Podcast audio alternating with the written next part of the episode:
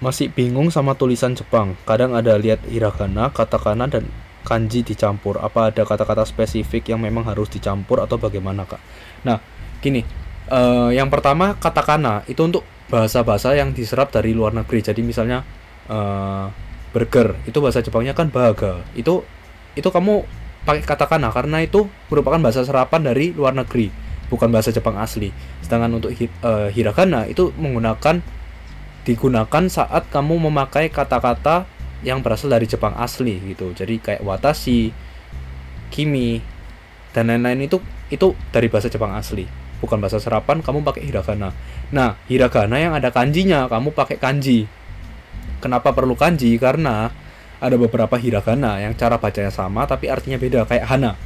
Hana itu ada artinya bunga, bisa juga artinya hidung gitu. Jadi untuk membedakan kalau kamu cuma baca hana, itu kan kamu nggak tahu artinya apa. Kamu harus pakai kanji gitu. Sedangkan yang memang benar-benar nggak ada kanjinya baru kamu pakai hiragana gitu. Jadi sebisa sebisa mungkin pakailah kanji.